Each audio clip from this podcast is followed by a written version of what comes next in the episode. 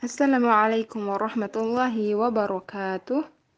Alhamdulillah wassalatu wassalamu ala ashrafil anbiya wal mursalin wa ala alihi wa sahbihi ajma'in. Amma ba'd.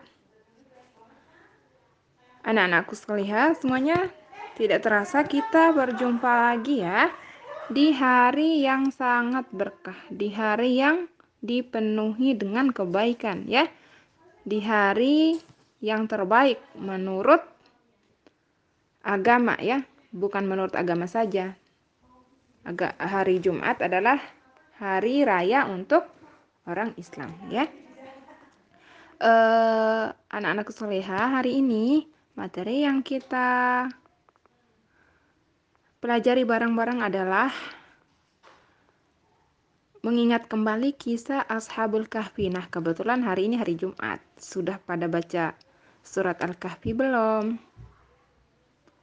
Nah, jadi bacanya itu dari kemarin malam pun udah bisa ya, dari semalam udah bisa ya sampai hari ini ya.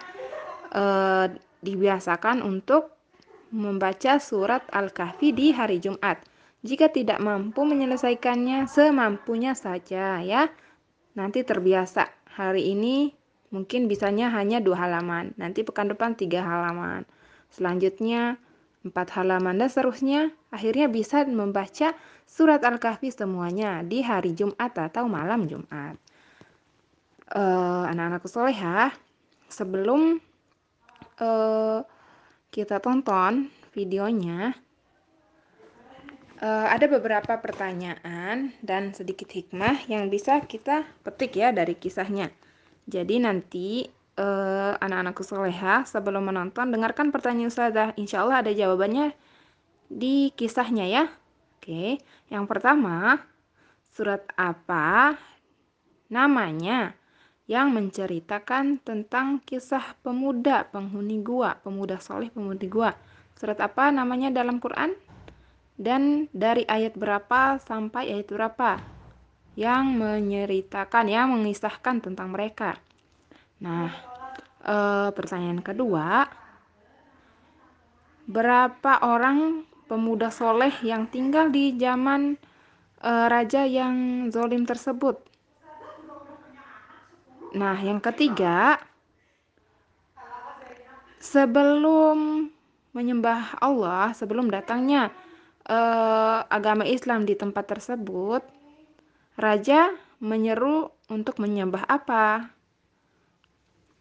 Nah, pertanyaan berikutnya, apa doa pemuda-pemuda soleh tersebut ketika masuk ke dalam gua?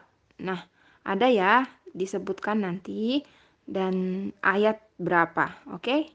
Jadi harus didengarkan baik-baik biar pertanyaan-pertanyaan dari ustazah bisa terjawab. Nah, berikutnya, Berapa lamakah mereka tinggal di dalam gua tersebut? Berapa tahun? Setahun, dua tahun, atau tiga tahun, atau bahkan lebih? Oke, nah itu saja pertanyaannya. Jadi simak baik-baik ya kisahnya. Nah, berikutnya hikmah apa yang bisa kita petik? Yang pertama adalah Allah Maha bisa ya Allahu ala kulli syai'in qadir. Bisa atas segala sesuatu. Bisa menidurkan orang dua hari, tiga hari, empat hari, bahkan lebih. Bisa mematikan orang dan menghidupkannya kembali. Nah, hikmah yang kedua adalah berani mempertahankan keimanan. Nah, pada sahabat yang tujuh orang tersebut rela meninggalkan kotanya agar iman mereka tetap terjaga ya. Nah, itu saja dari Ustazah. Jadi dengarkan baik-baik pertanyaannya dan dengarkan kisahnya juga dengan baik.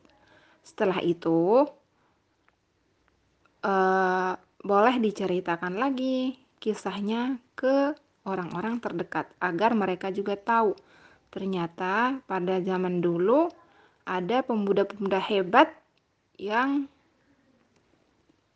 e, ceritanya sampai ada di Quran ya, saking hebatnya ya.